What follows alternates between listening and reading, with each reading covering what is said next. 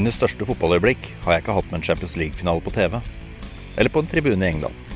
For meg kan ingenting måle seg med Ørns opprykkskamper på slutten av 90-tallet. Eller de dramatiske kampene for å overleve i førstedivisjon noen år etter. Da Ørn-keeper Helge Fjell stanga inn seiersmålet mot Vålerenga på overtid, og klubben min redda plassen med et nødskrik, fløy jeg nærmest hjem fra Lystlund i lykkerus. Ørn er en storhet i norsk fotball. Eller var en storhet, er kanskje mer riktig å si. Det er rundt 100 år siden de fire kongepokalene ble henta hjem til Horten. Hvorfor falt en storhet som Ørn ned fra fotballtronen? Og er det lov for en Ørn-supporter å drømme om en ny storhetstid? Dette er podkasten Se min kjole. Se min kjole, den er brun som ørnen. Alt hva jeg eier, det er brunt som dem. Det er fordi jeg elsker alt det brune, og fordi en ørngutt er min venn. Ja, nå er jeg i Lystlund, og nå i dag skal jeg møte en skikkelig Han var litt sånn trenergud, han da vi begynte å gå på ørnekamper. Jan Eddie Hansen. Jeg har fått han ned hit for å snakke om glansdagene på 90-tallet. Hallo. Hei, hei. Hei. Simen. Jan Eddie. Hyggelig. Så hyggelig at du tok deg tid her. Ja, det skulle bare mangle. Det var en fin tid, så veldig koselig også å prate om den tida der. Mannen som nå setter seg ned på tribunen i Lystlund, blei Ørn-trener allerede som 27-åring i 1995. Han blei sett på som et stort trenertalent. Jan Eddie Hansen var mannen som endelig skulle føre Ørn tilbake til det gode selskap i førstedivisjon. Men høsten 2001 rakna alt han hadde bygd opp i løpet av en kveld. Men mer om det seinere. Den unge Ørn-treneren gjorde seg raskt bemerka i Fotball-Norge. Ja, jeg var veldig tidlig ute som A-lagstrener. Jeg var veldig ung. Så um, Nei, jeg fikk, eh, fikk bra omtaler og mye media, og internt i klubben så var jeg veldig respektert. Så um, noe gud tror jeg ikke var, men eh, jeg tror nok at folk var fornøyd. Og da er det vel sånn at det ligger til rette for at folk yter også. Så nei da, så det var en morsom tid. For du var spillerutvikler i Ørn først, eller hvordan, hvordan endte du opp som A-lagstrener i Ørn? Eh, Jeg jobba som spillerutvikler eh, i fire sesonger før, eh, før jeg starta opp eh, som hovedtrener på A-laget. Jeg tror at jeg var eh, veldig respektert som spillerutvikler, og var vel egentlig klar for A-lag eh, seniorfotballen. Jeg var veldig gira på det, og hadde noe tilbud eh, fra andre klubber. og jeg var veldig i tvil i forhold til hva jeg skulle velge, for da hadde jeg ikke fått noe konkret tilbud fra Ørn eh, i forhold til det å trene A-laget. Men eh, når det kom, så, så var det veldig lett valg for meg, og da takka jeg ja til det. Jeg var vel 27 når jeg starta opp uh, første året som A-lagstrener, så det var veldig ungt. Så du var yngre enn en del av spillerne, faktisk? altså. Ja, det var nok en seks-sju stykker som var eldre enn meg når jeg starta opp. Så det har jo vært litt spesielt, men uh, det har gått veldig greit. Det er måten du har lederskap og sånt og setter deg i respekt, så har ikke alderen så mye å si.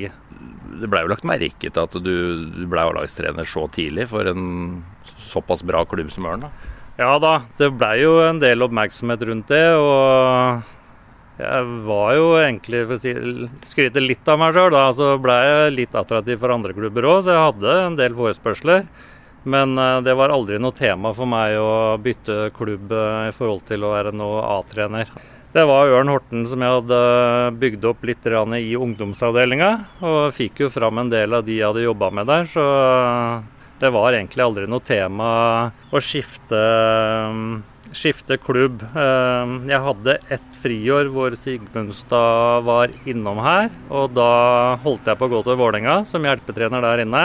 Men eh, da fikk jeg også et tilbud fra Ørn etter eh, den sesongen. Og tok da over A-laget igjen i Ørn. Så du fikk rett og slett tilbud om å bli hjelpetrener i Vålerenga? Det fikk jeg, så jeg var inne på to samtaler der. og da hadde jeg vel egentlig lyst til å gå dit, men eh, jeg tror valget ble riktig allikevel. For det der ble trenerne sparka i eh, juni måned, så jeg hadde vel gått på samme brettet, regner jeg med. Ja, det har vært egentlig riktig valg for meg hele tida å, å, ha Ørn i den perioden der sånn. Jeg fikk jo også tilbud fra Eik i Da lå de i Obos-ligaen, og dette var under sesongen. Og det var det året vi rykka opp mot, uh, mot, Lillehammer, faktisk. Og da var det litt sånn diskusjoner fram og tilbake midtsommers om det skulle bli aktuelt. Men uh, det ble Ørn Horten, og det er jeg glad for ettertid. Da han jobba som spillerutvikler i klubben, starta Jan Eddi en satsing som fikk navnet Team Ørn. Her hadde han ekstratreninger med spillere som lå langt framme. Flere av dem blei seinere sentrale spillere på A-laget Jan Eddi skulle ha suksess med. Blant andre Jørgen Jalland og Even Eide Eriksen. Den tidligere Ørn-treneren mener klubben drev nybrottsarbeid. Det står i noen bøker bl.a. som jeg har blitt intervjua på, altså hvor langt framme vi lå da. For det var eh, Jeg tror ikke det var noen eliteserien som drev med de tinga heller. Altså vi, jeg henta det jo på morgenen, og vi hadde en trening. Vi dro på skolen og kom fra skolen, eh, hadde trening. Var jo framme med litt video den gangen og viste noen klipp fra trening. Spiste god middag. Og vi fikk uh, servert ferdig middag fra Svein Mortensen uh, og Fisland. Gjorde noe skolearbeid uh, og ble kjørt hjem. Så vi på mange måter ivaretok liksom den helheten, da, hvor vi også fokuserte på skole. At de måtte ta litt ansvar der, og det fulgte vi opp med at det ble gjort, for det ble jo veldig mye trening. Nei, det var, eh, det var, et fantastisk år hvor på mange måter satte veldig sånn standard. Så prøvde jeg å gjøre det samme året etter, men det ble aldri det, det, ble aldri det samme.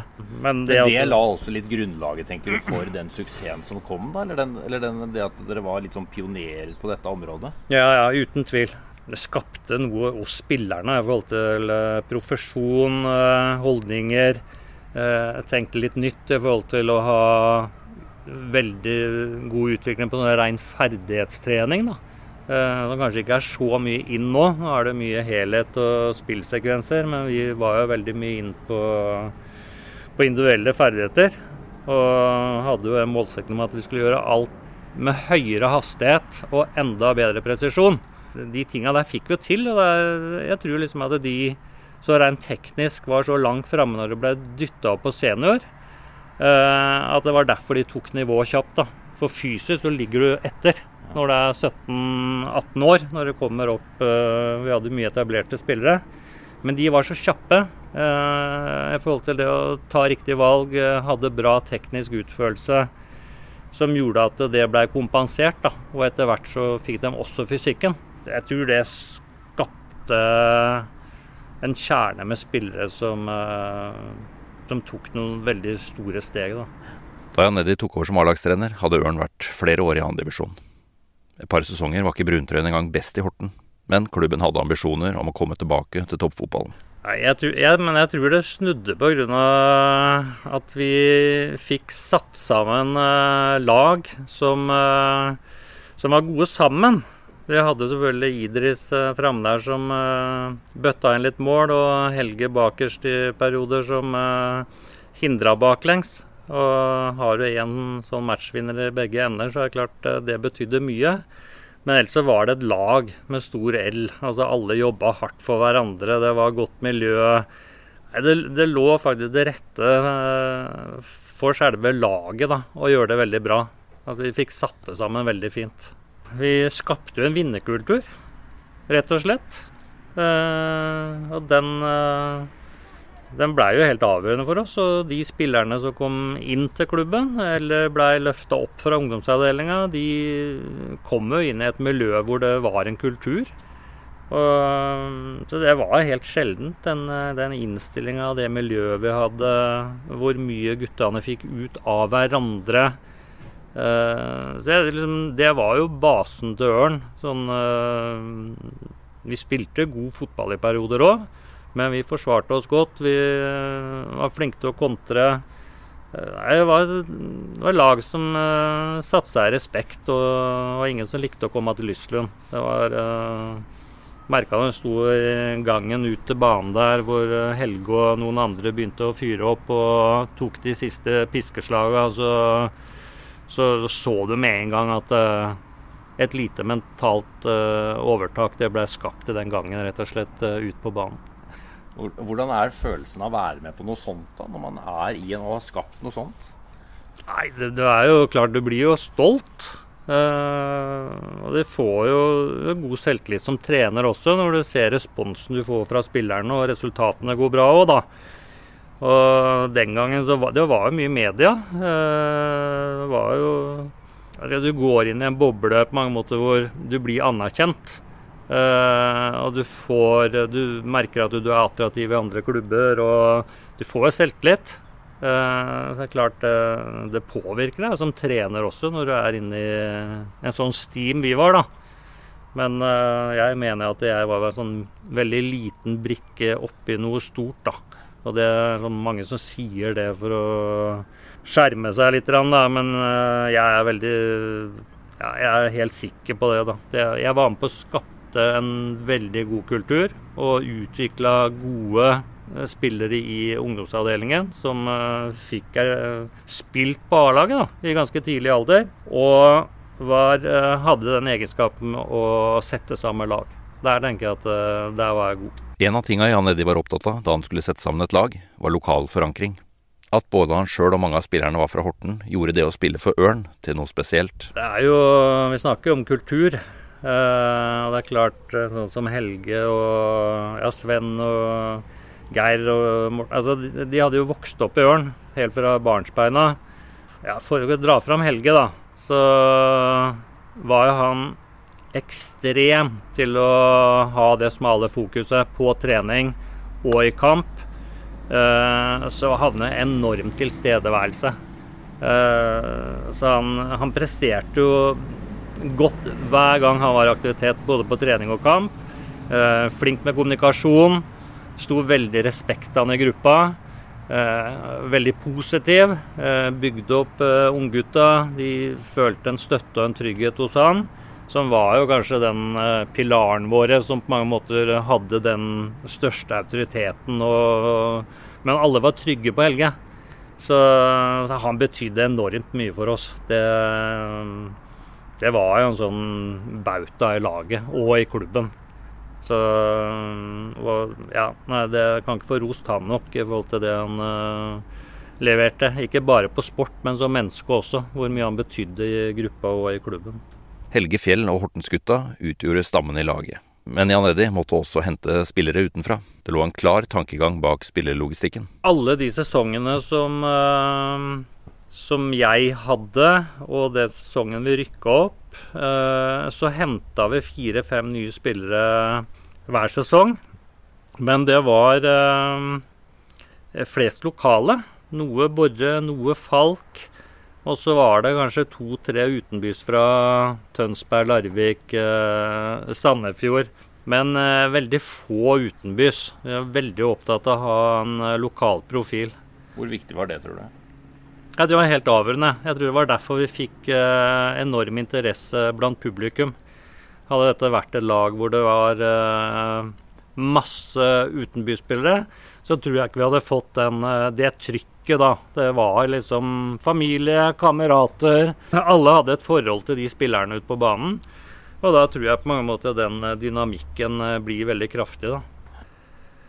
For det opplevde du at interessen rundt Hortensfotballen og Ørn vokste da i løpet av 90-tallet? Jeg tror nesten det er uh, selve årsaken til at vi klarte å få de resultatene vi hadde pga.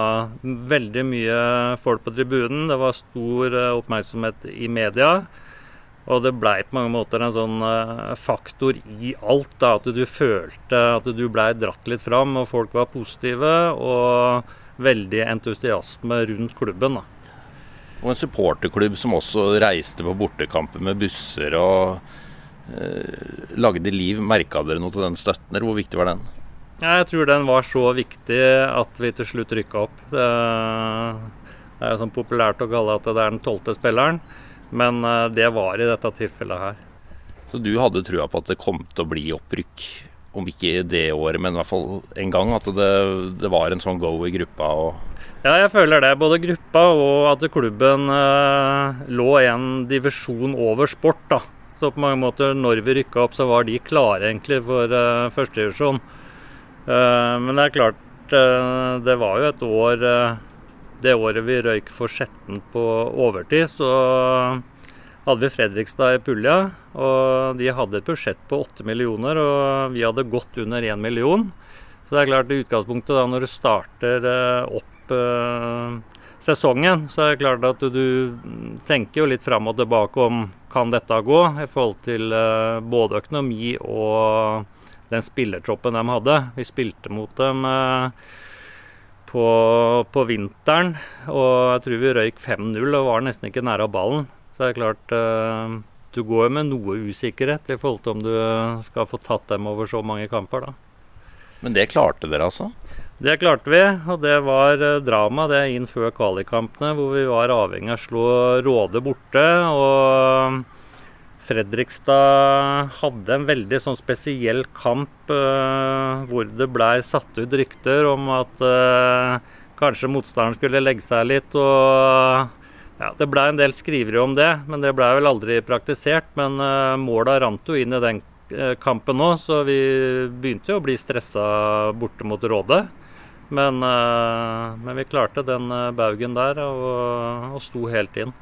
Og Den kampen mot Råde har vært prata litt om, bl.a. i den episoden om Møller der. Men det var veldig mye Hortensfolk på den kampen der. Ja, det var helt utrolig. Ferja var omtrent full uh, både bortover og hjemover. Nå dro vi mye tidligere enn publikum bortover, men hjemover så var jo den ferja stort sett parkert med Hortenfolk. Så det var utrolig interesse. Med Hortensfolk i ryggen vant Ørn sin avdeling i andredivisjon dette året. Nå venta en opprykkskvalifisering med hjemme- og bortekamp, som han måtte gjennom den gang. Motstanderen blei Skjetten, som på det tidspunktet tjente gode penger på en lukrativ avtale med Telenor om å distribuere telefonkataloger ut til det norske folk. Og den hardtsatsende klubben fra Romerike fikk en drømmestart på kunstgresset på hjemmebane. Ørn tapte 1-4. Det så mørkt ut før returoppgjøret i Lystun. Men Jan Eddie Hansen, han hadde trua. Da var det veldig mye regn, og det var uh, våt uh, bane. Og da tror jeg at uh, vi fikk en fordel av det, faktisk. Hvor Skjetten hadde mye hurtige spillere, og altså, tempoet går jo lite grann ned. noe som passa oss veldig bra. Så var vi veldig gode den kampen. Vi hadde null sjanser imot omtrent og produserte sånn jevnt og trutt uh, framover. Og det som var veldig bra den kampen, det er at ikke vi ikke blei stressa på behovet av mål. Men uh, hadde fokus på å spille bra og holde tett bakover. Så, så alt klaffa i utgangspunktet i den matchen. da. Mohammed Idris ga Ørn ledelsen like etter pause. Mot slutten av kampen gikk Ørn opp til 3-0 etter to raske skåringer av Idris og Atle Hovde. Ørn hadde klart å snu et håpløst utgangspunkt, og nå var det laget fra Horten som var i førstedivisjon. Skjetten hadde dessuten to spillere utvist, og Ørn fikk enorme kontringsmuligheter da bortelaget desperat kjempet for en redusering. På tribunen tok hjemmepublikummet seiersdansen under paraplyene. Da var vi i eh, i førstedivisjon. Og det så veldig bra ut, for det var fremdeles vi som produserte sjanser. Altså Skjetten var nesten ikke på halvdelen vår. De hadde to utvist, og jeg føler at vi kontrollerte det på en bra måte, liksom. Uten å gå på noen sånne feil i forhold til struktur og bli for ivrig. Vi hadde veldig bra balanse i laget. Nei, det var full kontroll. Og hva skjer da i sluttminuttene? Det blir vel et rødt kort til Ørn òg? Vi får et rødt kort der, og vi slipper oss kanskje litt for mye tilbake. Men uh, det er jo et langt uh, oppspill som holder på å gå utover uh, kortlinja, og så får de på en merkelig måte slått det inn og få knota det i mål på noe Ja, det er sånt som ikke skjer, da. Men dette skjedde nå i kanskje en av hundre ganger at de fikk knota det inn, for det var et rotemål. Husker du hva du følte eller tenkte den gangen da? Jeg var faktisk litt rann, uh, offensiv, selv om dette her kom på Var det over tid? Jeg tror det. Ja. Uh, så jeg regner med at han kanskje hadde lagt til fire-fem minutter, og de var så kjørte bakover setten at uh, jeg tenkte her får vi én eller to sjanser til. og det endte med at vi fikk fire. Og egentlig utrolig at ikke vi skårer på en av de sjansene på overtid. Det var en dag som eh, ikke vi skulle opp, men prestasjonen var mer enn god nok for å kunne klare det. Ja, for jeg husker det, det tror jeg er den første fotballkampen i mitt liv hvor jeg har kjent på en sånn der tomhetsfølelse som supporter etter en fotballkamp. For det var Vi feira jo omtrent opprykket på tribunen der. Ja da, og den uh, feiringa den uh, gjorde vi sikkert på benken òg. Det er jo litt dumt, da, før dommeren blåser av. Men jeg tror ikke det um, var noe fokus spilleren ute på banen så, da. Men uh, det var litt elektrisk på, på sidelinja der òg. Og det er ofte at uh, hvis du mister uh, fokus 1% så er det 1% større sjanse for at det kommer noe imot. Så skal jeg ta på meg noe der, så er det kanskje at jeg ikke tok et, et ordentlig grep når det står igjen fem minutter. Og selv om vi har overtall med spillere, så burde vi lagt oss enda dypere i banen. Så hadde vi fått enda større bakrom. Det blei litt sånn halvhøyt press. Så den ene langpasningen som kom, den kunne vi fått bort hvis vi hadde lagt oss lavere. For den ville aldri kommet inn bak bekken. Hvor skuffa var du etterpå? da? Hvilke følelser satt du igjen med? Nei, da var jeg knust. Det tok, eh, det tok noen dager. Det var noen dager uten søvn. og Nei, det var en eh, skikkelig nedtur. Når du legger ned en sånn prestasjon og blir snytt på overtid, så, så blir alt litt meningsløst. Men uh, det er bare fotball, så det var på mange måter bare å krumme nakken og tenke neste år. Ja, Det var voldsom go i gruppa og i klubben òg. Det var ingen som på mange måter uh, lå med brukket rygg når det har gått en uke. Så var alle oppe og gikk. og Det var noe av styrken i Ørn. At vi så framover. og tålte noen, uh, tålte noen nedtur underveis, da. Mens vi supportere deppa over en forspilt mulighet, så Jan Eddi framover mot neste sesong allerede. Det er kanskje ikke rart at han hadde trua. Mye lå til rette for suksess, og en stor del av grunnen het Mohammed Idris, som hadde hamra inn mål både for Falk og Ørn i andredivisjon. Nei, altså Det er ikke noe tvil om at han, uh, han var veldig viktig og avgjørende for uh, Ørn de sesongene han var her. Ikke bare pga. at han skåra veldig mye mål, men uh, motstanderen tok veldig mye forhåndsregler. Og arbeidsforholdene til eh, de andre i front, de, de blei klart bedre.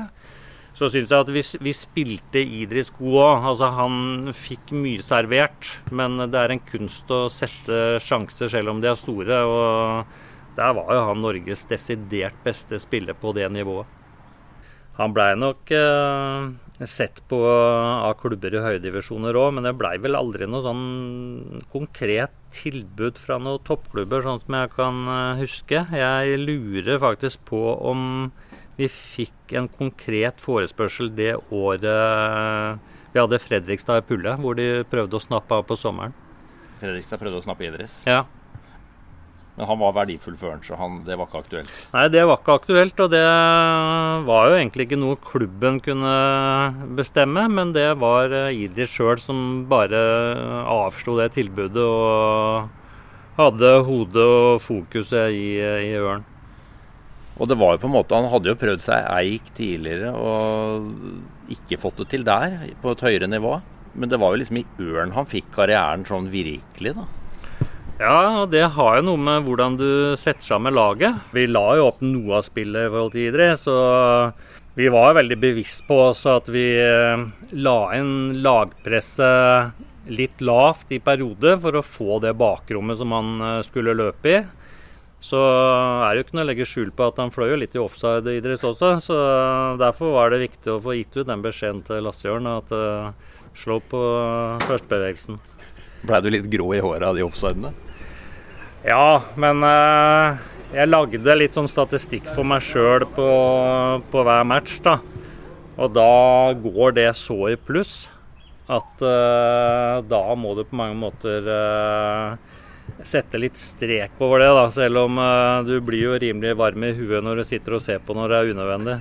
Men jeg gikk vel egentlig så langt at han fikk beskjed om å forholde seg til egen halvdel.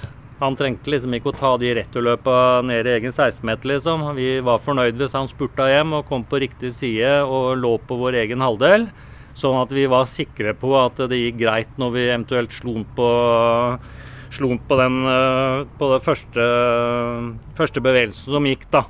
Eh, så hadde ikke han ble stående i offside. Eh, men det er klart at hvis ikke han hadde tjuvstarta også, på mange av de skåringene som han satt, Eh, så kunne vi jo kanskje drept noe av styrken hans i så, da. Så, så det var jo sånn veie pluss-minus der, og det gikk veldig, veldig mye pluss. Idris fortsatte å bøtte inn mål, og to år etter marerittkampen mot Skjetten kunne vi slippe jubelen løs. Endelig var Ørn tilbake i førstedivisjon. Sammen med Ragnar Wold sørga Jan Eddie Hansen for å bringe toppfotballen tilbake til Horten. Jan Eddie husker godt det første møtet med førstedivisjon.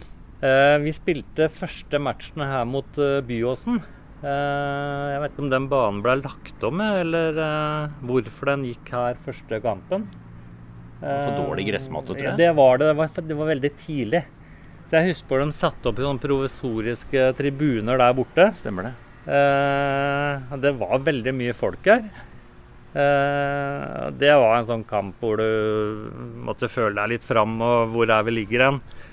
Eh, men vi tok det nivået veldig kjapt. Så vi fikk en sånn god følelse allerede den første kampen her, at dette her sånn, det mestra vi, for Byåsen hadde et bra lag. Så, så, det var en veldig god start, da. Ja, For det blei seier her? Det blei seier her. Vi skåra vel når det sto igjen ti minutter. Frode Berg. Frode Berg, ja. Han henta vi fra Eik.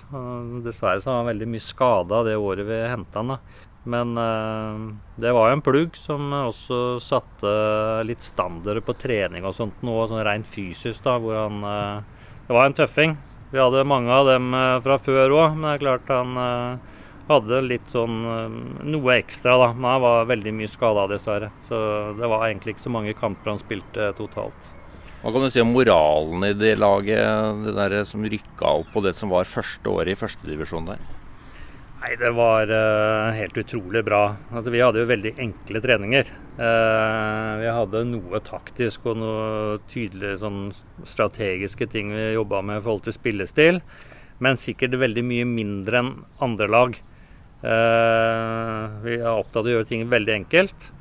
Og ha do, to doser da hver uke hvor vi rett og slett hadde mye kortbanespill. Med, med, voldsomt trykk for å ha disse omstillingene. Bli vant til å være gode som førsteforsvarer. Kjøre overgangsspill fra å vinne ballen til å vike i angrep og gjøre det så hurtig som mulig. Ta avslutningsansvar. Jeg, jeg er 100 sikker på, uansett hvilke lag vi måler oss opp mot i første divisjon det året, så trena vi best på den måten. Det gikk så fort, og det var så mye kraft og trøkk på de treningene at uh, du så det igjen i kamp. Og dere starta jo bra? Starta veldig bra. Vi fikk jo møtt Verdal tidlig i kamp nummer to når vi dro til Haugesund. Med fulle tribuner der. Og de hadde jo et lag som kunne spilt i, i Eliteserien eh, lett det året der, sånn. Med mye importer, og det var jo klasse overalt. Ble blåst av banen med 8-0. Var nesten ikke nære av ballen. Det kunne vært uh, mer. Det var Benny Nilsen som sto den kampen der sånn, og han leverte en kjempegod kamp. Så um, det tror jeg er noe av det verste jeg har vært med på som trener. At du blir helt handlingslamma og egentlig må bare innse at uansett hvilke grep du gjør her, sånn, så, så er vi ikke gode nok. Hva tenkte du etter den kampen, da? Det er jo sånn Når du har rykka opp, så må du regne med at du får noen sånne smeller da, for å lære deg forskjellige ting i forskjellige faser av kampen. og ta noe mer hensyn til motstanderen eh, enn det vi har gjort i annen divisjon. Selv om vi var veldig tydelige på at vi ikke skulle endre så mye, så var det noen sånne smågrep du så at uh, du måtte bare gjøre det, da. Uh, hva er styrkene, hva er svakhetene? Og i hvert fall prøve å finne ut litt av det før kamp. da, Og ha noe vekt, legge litt vekt på det. Men det er jo bare at du må opp i tauene igjen. og det er ikke noe, det, Kampene kom hver uke, og noen ganger var det to kamper, og så var det cupkamper. Så du, du, du, er i en sånn boble hvor du bare har fokus på neste kamp. og ja, Vi var tøffe mentalt uh, den sesongen der også, hvor vi ja, vi fikk veldig mye ut av veldig små ressurser. Er det noen kamper du husker spesielt fra det første året i første divisjon? Ja, ja, uten tvil. Eh, to, to, matcher. Eh, borte mot eh, Raufoss. Jeg tror vi vinner 1-0 eh, den kampen. Og møter et lag som var nesten på høyde med Haugesund.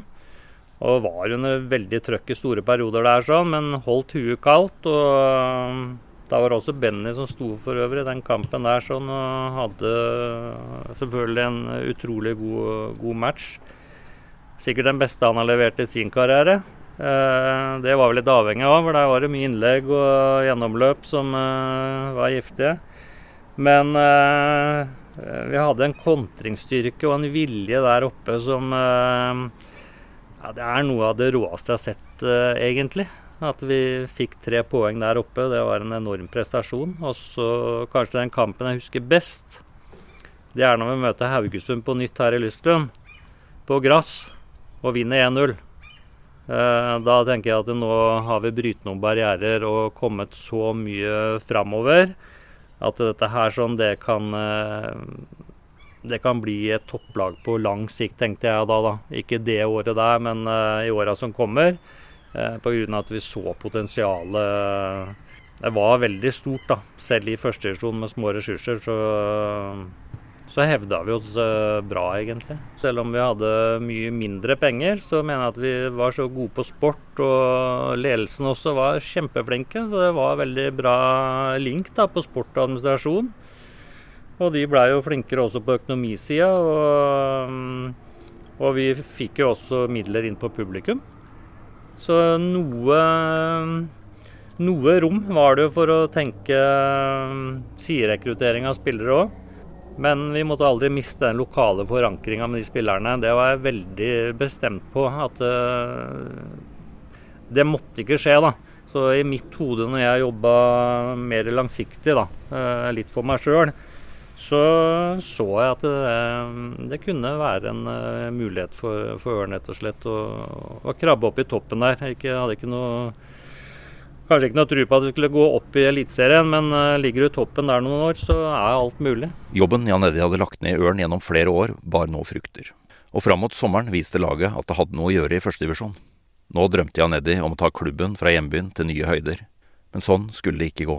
I den tredje kampen i høstsesongen slo Ørn Skeid på Voldsløkka i Oslo. Og det skulle vise seg å bli Jan Eddis hittil siste kamp som trener på toppnivå. Eh, altså vant vi den kampen der inne, og da vi hadde jo et lag som var bygd mye på godt miljø og sånt, så det var jo var mye sosialt. Men dette her var vel en søndag, tror jeg. Så det var jo ikke um, Folk skulle på jobben og sånt, og de var veldig flinke og profesjonelle til å ta ansvar og hadde gode holdninger og sånt, men da var det noen spillere på, på byen den uh, søndagen etter uh, matchen. Og det var veldig tilfeldig, for jeg bodde i Holmestrand. Og hadde mista nøklene mine og skulle bo over hos mora mi. Og så tok jeg turen ned på paviljongen. Eh, det var skjebnesvangert, for det ble det en episode hvor eh, jeg ikke oppførte meg noe bra med, med noen spillere, da. Så det blei veldig uheldig, hele greiene. Og det er ene og alene min skyld at den episoden skjedde, og det fikk jo fatale konsekvenser. Og ja, det var eh, jeg med, det sleit jeg med lenge, egentlig. Og det er kun meg sjøl å klandre for den episoden. Det er liksom 100 så det er ikke noe sånn at det er fordi å tenke på kunne vært avverga, eller er det flere som var involvert. og Det er bare én mann som må ta det ansvaret, og det er, det er meg. Så konsekvensene av det som skjedde etterpå, det, det er rett og rimelig. Hva, hva, følte du etterpå da? Du hadde jo tatt dette laget opp og gjort det bra. og Du satt jo der og drømte om en, at dette kunne bli et topplag, da. Og så var det plutselig slutt. Det blei veldig brå slutt, da. Så det er klart øh, Det var Det gikk innpå meg personlig. Og blei at jeg sleit egentlig veldig over en lang periode, egentlig. Sånn øh, mentalt og menneskelig så gikk jeg ned mange etasjer. og det, var, det tok veldig lang tid før jeg fikk eh, bygd meg opp, egentlig. Hvordan føler du at du ble ivaretatt av ørn og sånn etter det der? Nei, Det var jo en vanskelig tid for alle, selvfølgelig. da. At det utgangspunktet så Jeg hadde, hadde jo svikta det med den episoden der. Og det blei det noe Det blei noe støy i ettertid og sånt noe, men det ja, jeg står fremdeles på at eh, jeg får bare ta det ansvaret. Både det som skjedde på, på, byen og den støyen som kom i ettertid, så håndterte jeg det også litt uh, dårlig. Det var, hva var det for en støy? Ja? Nei, Det vil jeg ikke si så mye om, Nei. for det er mellom meg og, og ledelsen. Ja, og vi, kom i, vi var uenige om, uh, om noe, da. Men uh, jeg håndterte også det dårlig. Så det ble rett og slett uh, en periode hvor jeg ikke fungerte noe bra, rett og slett, i ettertid der. Men du var jo da et sånn kjempetrenertalent og fikk jo mye oppmerksomhet. Og når du var i førstedivisjon, gikk på en måte den trenerkarrieren din i grus etter det?